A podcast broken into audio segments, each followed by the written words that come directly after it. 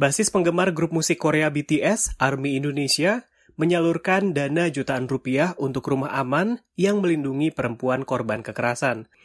BTS ARMY Indonesia menyalurkan 4 juta 11 ribu rupiah kepada rumah aman yang dikelola Lembaga Bantuan Hukum LBH Apik Jakarta selasa kemarin.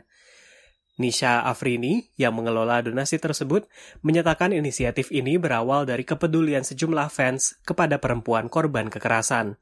Amal pun digalang sekaligus memperingati hari ulang tahun personil BTS Jungkook 1 September. Kak, coba buka donasi dong untuk uh, para korban kekerasan gitu, khususnya wanita gitu kan. Kenapa nggak sekalian dilaksanain pas birthday-nya salah satu member? Nisa, yang jadi salah satu pengelola Army The Grace, menyatakan terdorong untuk mengikuti langkah grup idolanya. Kata Nisha, grup beranggotakan tujuh orang itu memang memiliki kepedulian pada isu-isu sosial.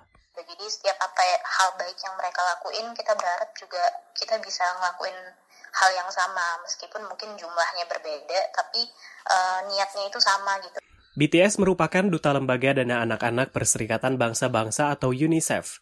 Grup ini bekerja sama dengan UNICEF dalam kampanye Love Myself untuk melawan kekerasan terhadap anak-anak dan berhasil menggalang dana lebih dari 1 juta dolar Amerika.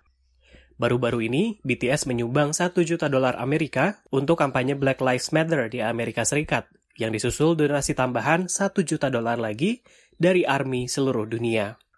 LBH Apik yang menerima donasi ulang tahun Jungkook mengapresiasi sikap para fans dan mengatakan bahwa nilai donasi tersebut luar biasa meringankan.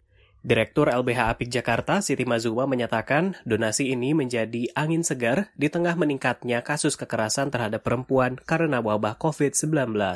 Pelaku kekerasan terhadap perempuan rata-rata kan orang terdekat atau orang yang dikenal oleh korban kan, apalagi di tengah situasi COVID kayak gini, pelaku dan korban rentan kalau misalkan si korbannya harus tinggal serumah dengan dia atau di lingkungan sekitarnya sehingga korbannya ini sangat butuh rumah aman. Zuma mengatakan saat ini rumah aman mendampingi empat perempuan korban kekerasan. Untuk satu korban, ujarnya, butuh biaya 2,9 juta rupiah per bulan.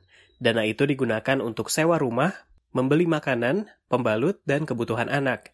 Saat ini LBH Apik pun menggalang dana lewat menjual pakaian secara daring. Zuma berharap donasi Army Indonesia bisa menginspirasi banyak pihak untuk ikut menyumbang. Rio Tuasikal melaporkan untuk VOA Washington.